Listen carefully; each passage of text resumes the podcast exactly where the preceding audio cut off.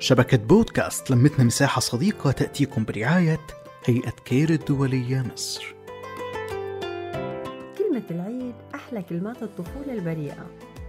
كانت أجواء العيد أجواء مختلفة عن أي يوم بالسنة. كانت أكثر دفى وأكثر بهجة.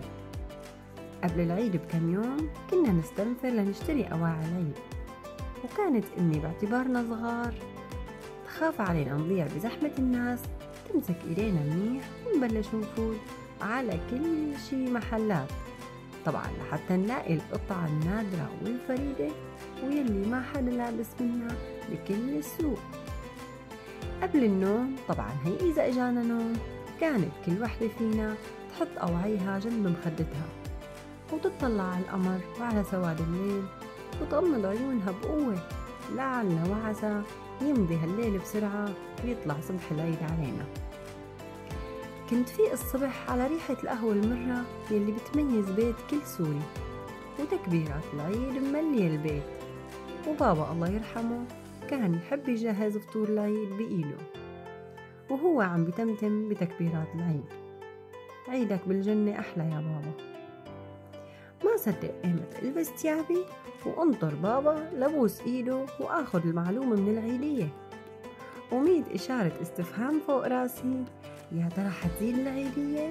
طبعا لازم تزيد لأني كبرت وصرت صبية لبنى كانت صغيرة وما تعرف معنى الصبر. بدنا نعرف مخططات الأهل ووين أول مشوار حنروحه. العيد هو أيام الطفولة يلي بنحملها من عيد لعيد حتى يغمرنا الحنين وبين دمعة وابتسامة عيد عم بعيد حاله ولو مع لحظات مختلفة ما بتشبه الماضي الحلو. لما كبرت وبالأصح لما صرت أم ومسؤولة عن أربع أطفال تغيرت نظرتنا للعيد.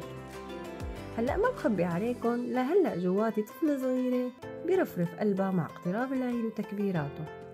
بس صار كل اهتمامي بعيلتي الصغيرة وشو ممكن أشتري لهم أواعي حلوة ومميزة وفرح قلوبهم لأنهم سعادتي وعيدي بالنهاية. طبعا من أولوياتي رتب بيتي ترتيبة عميقة لأنه عيدنا وخاصة بعد ما طلعنا من البلد صار هو البيت. طبعا مع تجهيزات أوردراتي من الحلويات لزبايني الحلوين من معمول وبرازة وبتيفور وجوز وفستق لحتى سلم زبايني قبل ما يجي العيد خمسة أيام وبعدين أفضى لعائلتي. وبلش بحلويات عائلتي. طبعا لازم نرضي كل الأذواق الكبير والصغير. كل عام وأنتم العيد والفرحة لعيالكم ولبيوتكم. وكل عام وسوريتي حبيبتي وأهلها بألف ألف خير. وكل عام ومصر يلي ضمتنا مثل ولادها بألف ألف ألف خير. كنت معكم أنا صفاء محمد ببودكاست سكر زيادة. نحكي نتشارك نتواصل.